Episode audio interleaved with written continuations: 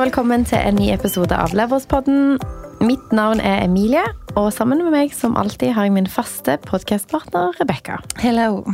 I dag Rebecca, skal vi snakke om et tema som vi begge er veldig glad i, nemlig dette med å være gründer. Men vi skal ta en litt annen approach. Vi skal snakke om hva som kreves for å kunne leve av å ha en egen bedrift. Enten om det er et enkeltmannsforetak, eller om det er at man har et AS. Yes. Fordi jeg tror en av de viktigste tingene rundt det å være gründer, og veldig mange av de spørsmålene som man først stiller seg når man vurderer noe, er hvordan tjener man nok penger til å overleve? Tar man ut nok eh, lønn? Gjør man riktige utregninger? Og jeg tenker at jo tidligere man kartlegger dette, jo bedre. Mm. For meg har det vært en prosess eh, hvor jeg på en måte ikke nødvendigvis har hatt helt klare svar alltid, og vi skal snakke litt om det. Men jeg tror at man, man er selvfølgelig avhengig av en viss form for penger.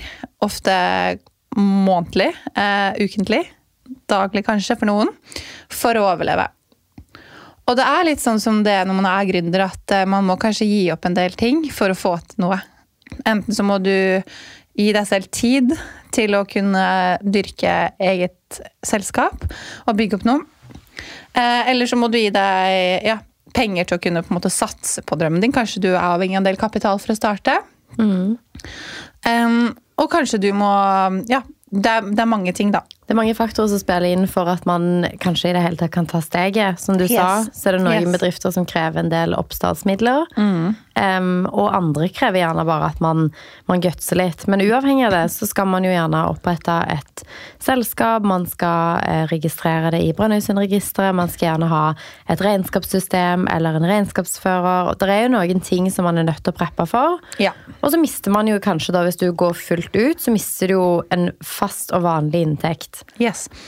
Så det jeg egentlig tenker man først kan begynne med, er hvordan tjene nok penger til å overleve. Da stiller jeg spørsmålet litt hvor mye penger trenger du for å overleve? Hvor mye penger trenger du eh, både månedlig, ukentlig og daglig for å overleve? Og da må man faktisk se litt på eget forbruk. Eh, hvor mange faste kostnader har man i måneden? Kanskje du har boliglån, kanskje du har billån, kanskje du har barnehage, kanskje du har eh, De fleste har nok eh, kanskje matutgifter og sånn, hvis man ikke er så heldig at man er ung og bor hos foreldre, eller gjør det for en periode uansett. Um, så kartlegg liksom totale utgifter du har personlig. Og så kan man også se er det noe av dette man kunne eventuelt begrenset. da? For min egen del så kunne jeg kanskje ok, jeg hadde ikke trengt å reise på ferie eller gått ut og spise i en periode for å få det til.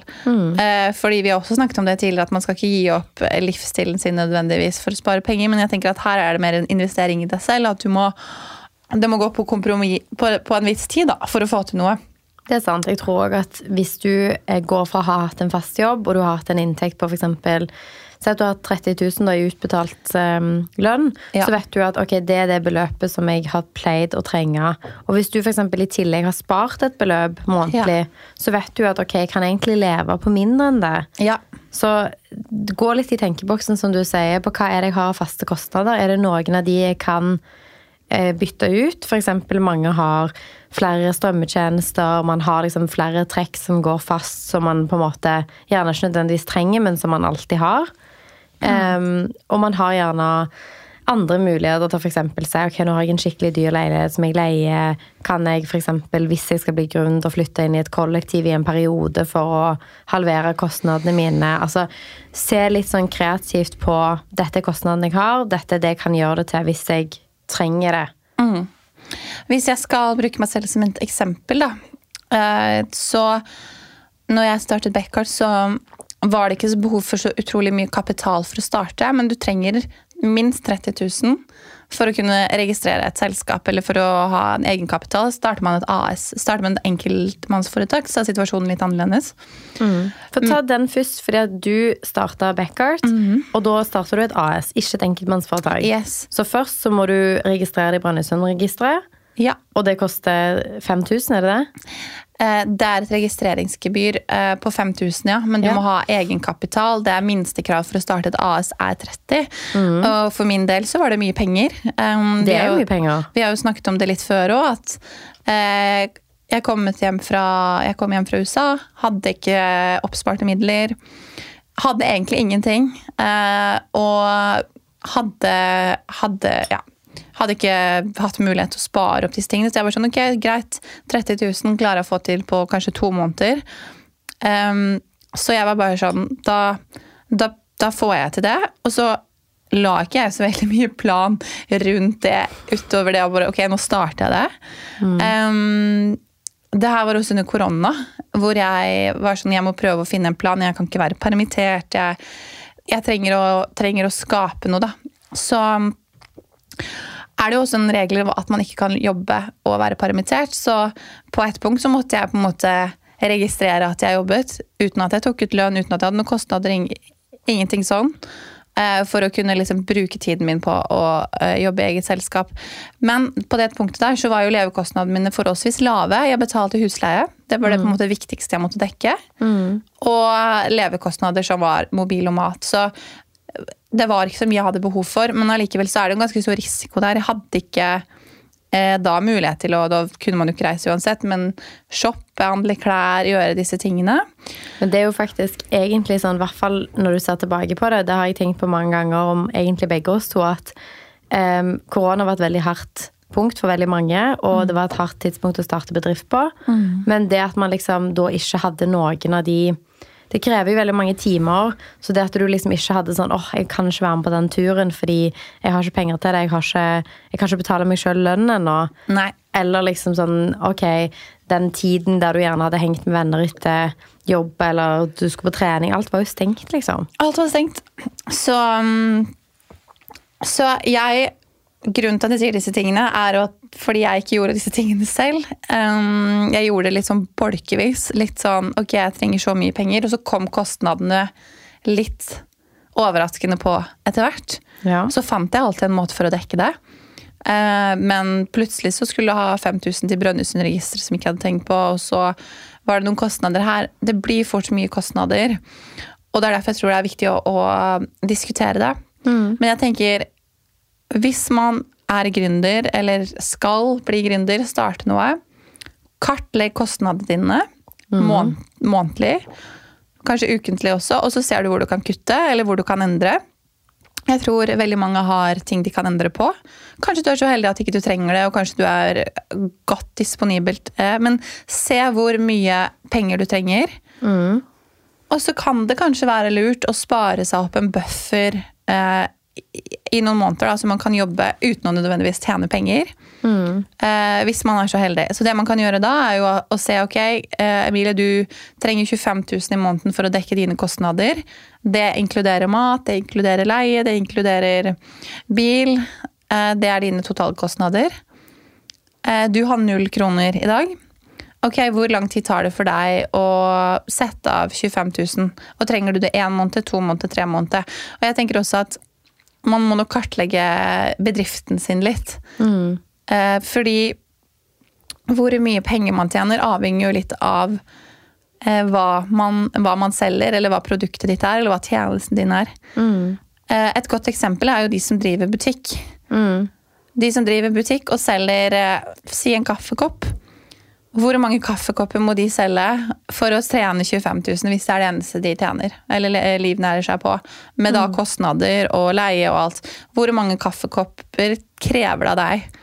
Kontra de som er konsulenter, som kanskje må selge 25 timer for å dekke disse 25 000 eh, som man er avhengig av. Så jeg tror at Det er også litt viktig å, å tenke hva slags bransje man går inn i. Man må tenke hvor mye penger man trenger for å overleve, og i hvor lang tidsforløp. da. Så egentlig så er det på en måte få, oversikt, få en oversikt over hva faste kostnader du har. Mm. Sånn at du vet hva du trenger å dekke for å ha en sånn liten buffer framover mm. i tid. Mm. Og så har man jo veldig ulik inngang til det. Hvis, du skal, hvis drømmen din er å starte f.eks. en butikk i Nå bor vi i Oslo, og du skal ha et lokale, du skal ha inventar, du skal gjerne ha en annen ansatt fordi du skal ha åpningstider du skal investere i et kassesystem. Mm. Alle disse tingene så har du en del ting du er nødt til å ha for å starte. Men mange av de som har skrevet til oss, ønsker f.eks. å eh, drive med coaching, eller de ønsker å selge konsulenttjenester. Mm. De ønsker å bruke kompetansen de har fått i en annen jobb, og ja. selge det som en frilanser. Ja. Og da trenger du gjerne, da kan du ha hjemmekontor der du har kontor der du bor. Og du kan starte egentlig med den kunnskapen du har. Da er det disse startkostnadene på å registrere seg i Brønnøysundregisteret, det er oppstartskapitalen for selskapet som du egentlig trenger. Absolutt. Og, og hvis du egentlig ikke skal ha AS, sånn som gjerne noen av de som frilanser osv. har, så har man jo lavere kostnader igjen. Ja. Og um, vi, er, vi, snakker om det med kostnader her, eh, og det med hvor mye man trenger for å overleve. Um, og det betyr jo i prinsipp hvor er man på det punktet hvor man kan begynne å ta ut lønn. Lønn til seg selv, da. Hvis du skal mm. begynne å tjene penger, så trenger du lønn. Og målet med veldig mange som er gründere, er jo enten så er du veldig opptatt av det du jobber med, og gjerne er så ja, passionate, har en lidenskap for feltet ditt, at, at, du tenker ikke så mye på penger så lenge du klarer deg. Og så er det jo veldig mange som går inn med en gründerspir og man på en måte, ok, vi vil gjøre en forskjell, men vi også gjør en økonomisk forskjell for oss selv. Og det må jo være helt ærlig å si. At alle som starter, eller veldig mange som starter et selskap, vil også tjene penger på det. Mm. Um, så for at man skulle begynne å ta ut lønn, så er det liksom, det er ikke bare Si at det er 25 000 da, du setter som lønn. Mm. Så vil jeg nesten tørre å påstå å si at det, det koster selskapet det dobbelte. Ikke mm. helt, men det er ikke så veldig langt unna. Og Hva er grunnen til det? Forklar eh, arbeidsgiveravgift. Ja, fordi når man tar ut lønn, eh, så I hvert fall i et AS, da. Så krever staten at man betaler skatt av lønnen man tar, tar ut. Mm. Man må betale arbeidsgiveravgift per ansatt. Det inkluderer også deg som eier, selv om du kun er ene og alene. Mm. Det er ikke krav til eh, pensjon hvis man kun er én, men så fort man blir flere, så må man ha en viss form for pensjon. Jeg anbefaler jo at man uansett oppretter en pensjonsordning, er man også alene, som er noen tusen. Og i veldig mange tilfeller kanskje også en forsikring. Mm. Og alle disse tingene utgjør da ting på toppen av din grunnlønn. på en måte. Mm. Eh, hvis man begynner å dra på tusenlappene da, så er man kanskje nærmere et sted mellom 40 000 50 000 med en lønn på 25 uten at mm. jeg sitter og regnet eh, på det, men det kan man fort eh, gå inn og finne ut av hvis man gjør et lite Google-søk, så, så finnes det kalkulator der, så du kan regne ut hvor mye det koster da, å være ansatt og ta ut lønn. For det husker jeg når jeg skulle begynne å ta ut lønn til meg selv, så tenker jeg så greit. Og jeg begynte med en ganske lav lønn. Det var litt sånn akkurat for å kunne tjene penger. Jeg tror det var 20 000 eller noe sånt.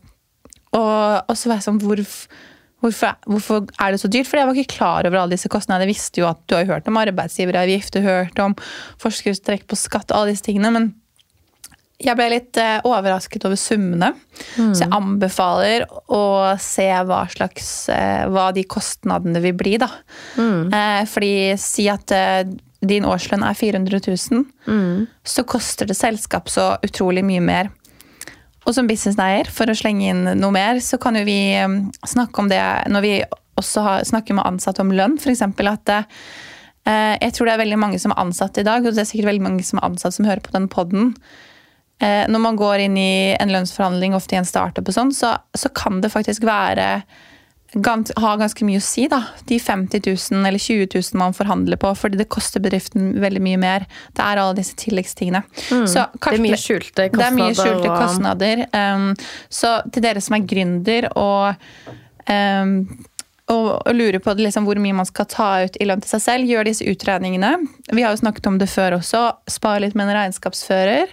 Mm. Og se hva det koster å ta ut i lønn på eh, med en årslønn på fra alt fra 400 000 til 700 000. Da må man jo se litt an på hvor mye man, man kan ta ut. da, For det er jo veldig lett å tenke å at jeg har, har tre prosjekter nå, jeg tjener 200 000, 300 000, jeg tjener en million.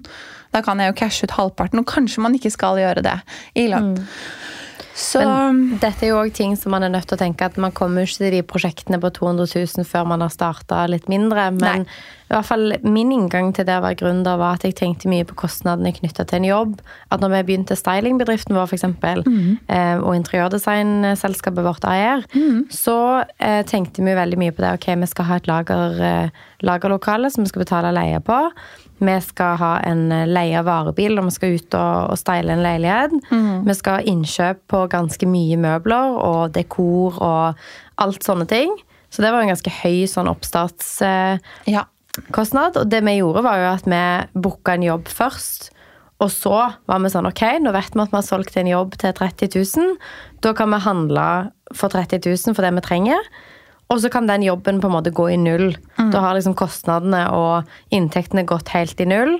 Og så Hadde vi et varelager? hadde vi da plutselig et varelager med 30 000 verdt med møbler. Og det vil si at neste gang når vi skulle gjøre en jobb, så kunne vi bruke de samme tingene på nytt.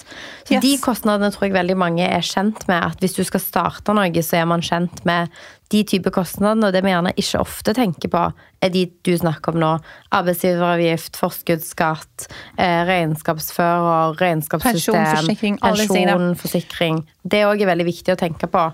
Yes. Um, fordi, ja, veldig godt poeng det du sier der med faktiske kostnader. Um, jeg, um, jeg tenker jo òg at uh, man burde også se, se litt uh, ja, hvor, hvor ser man bedriften nå, og hvor ser man den om et år? Fordi jeg vil jo si at jeg og du har gutsa litt sammen og tatt noen sjanser. Jeg husker jeg var på et punkt hvor jeg, hvor jeg måtte typ ta et litt sånn ris, eh, risikabelt valg, og det var å ansette en person. Mm. Og på dette tidspunktet så var jeg, hadde jeg god cashflow, men, eh, men jeg hadde ikke noe garanti for at det vil fortsette sånn. Jeg hadde en indikasjon på at jeg tror det vil, og basert på arbeidsmengden og sånn nå, så lønner det seg nok for meg å ansette en person til. Um, som var en høy kostnad, og da hadde jeg også blitt kjent med liksom, hva det faktisk kostna, kostet å ha meg som ansatt. Og mitt min approach til det var ok, jeg må ansette en person, fordi jeg klarer ikke å ta alt alene. Det er ikke bærekraftig. Så får jeg sørge for at hun får lønn. Og så får jeg sørge for at jeg også får lønn. Og hvis det må gå på bekostning av noen, så får det gå på bekostning av meg selv. Og Da tenker jeg, ok, da, har jeg, da hadde jeg på det tidspunktet jobbet eh, litt over et halvt år alene. Og hadde liksom spart opp en, i hvert fall en minibuffer. Og det var ikke snakk om mye, fordi alle pengene jeg tjente, gikk rett tilbake i selskapet og på en måte for å bygge.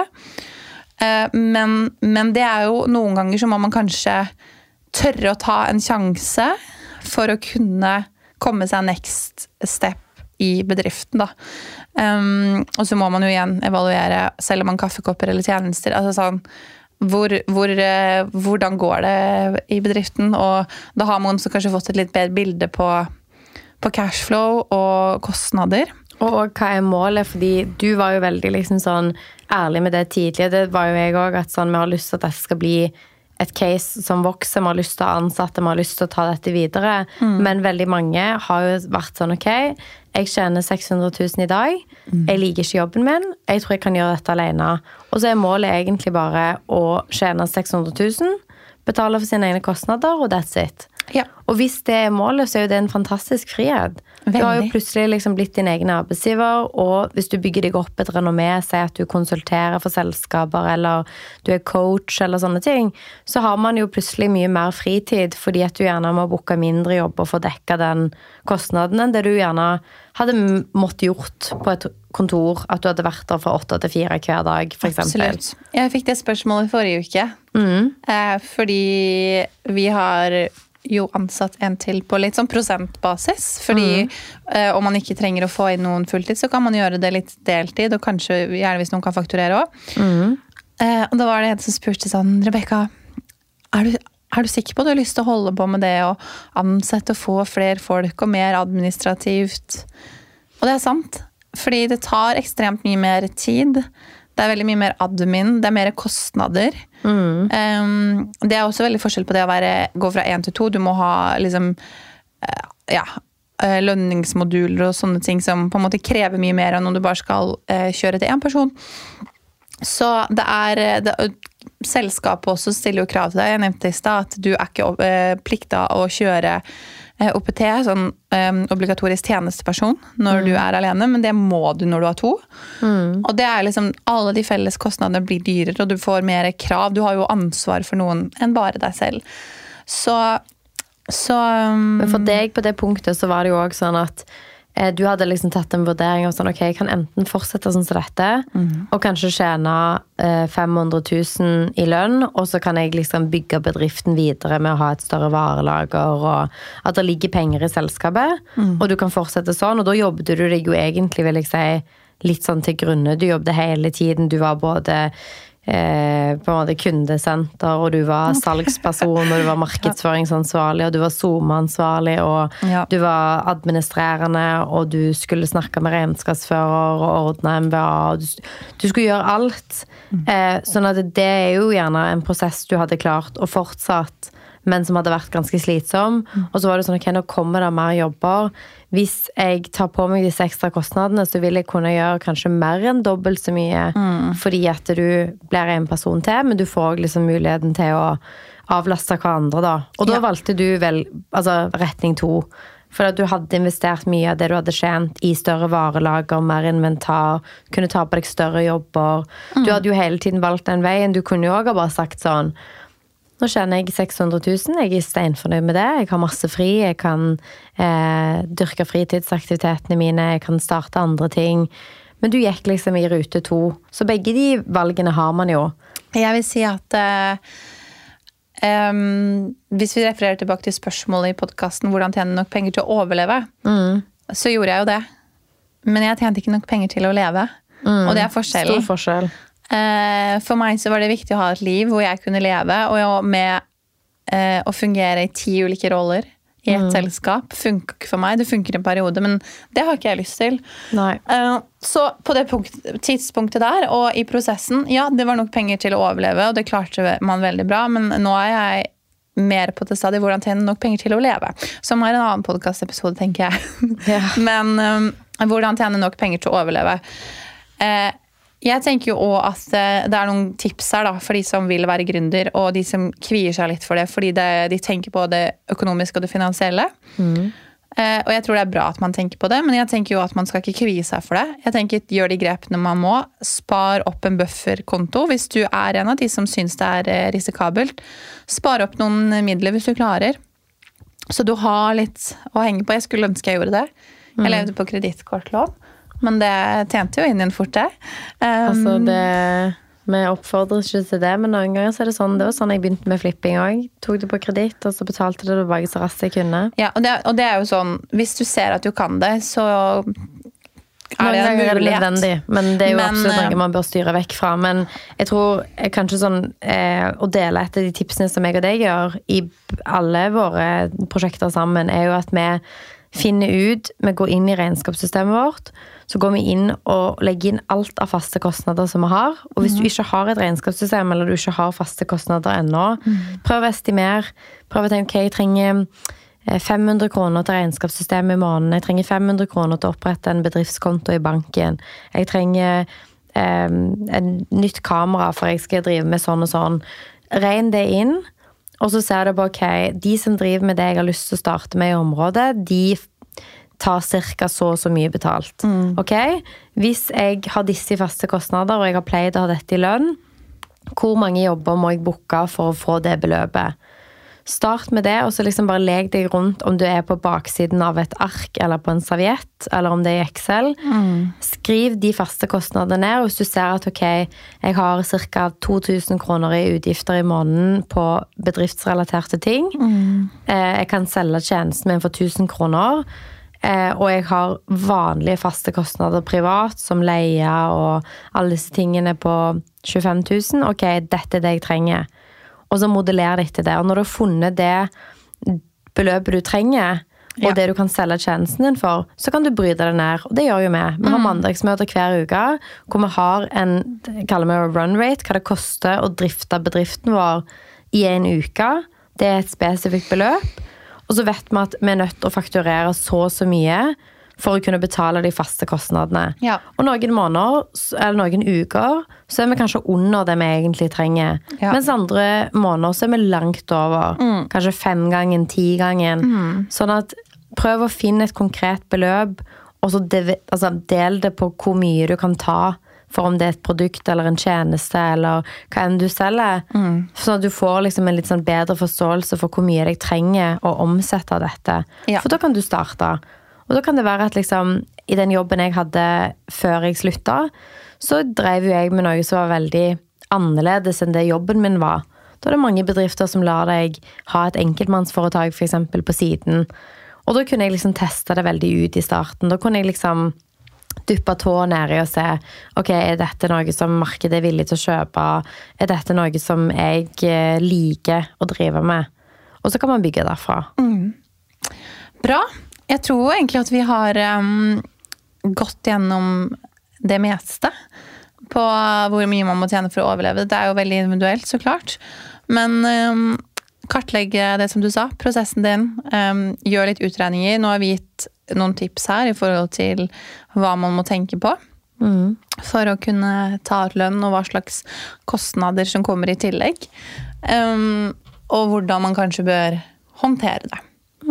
Så er det jo mange andre ting også, som vi har nevnt tidligere. F.eks. å gå ned til deltidsstilling, eller at man eh, gjør det ved siden av jobben til å starte med før man skalerer opp. Og det er jo ting som man kan ta med seg inn her. Ja. Og så er det sånn, skal du bli et enkeltmannsforetak for alltid, eller skal du være et AS med ansatte? Prøv å tenke litt rundt de tingene tidlig, da. Og igjen, veldig forskjell på det. Hvor mye trenger man for å overleve, og hvor mye ønsker man å ha for å overleve. Og jeg tror at hvis man kan eh, finne en sånn middelvei der med seg selv, så tror jeg man har mye høyere terskel for å få det til. Jeg tror ingen hadde trodd, i hvert fall ikke jeg og ikke du, at vi hadde sittet her i dag og gjort det vi gjorde i dag, hvis du hadde spurt oss for ett år siden, og i hvert fall ikke to. Um, så jeg tror at, uh, ja, at man, man lager litt begrensninger for seg selv. Se heller etter muligheter og løsninger, og så begynner man litt sånn i det små. Men begynn med å kartlegge. Gode tips. Yes, det var det vi hadde for i dag. Yes, vi snakkes i neste uke. Det gjør vi. Ha det! Ha det!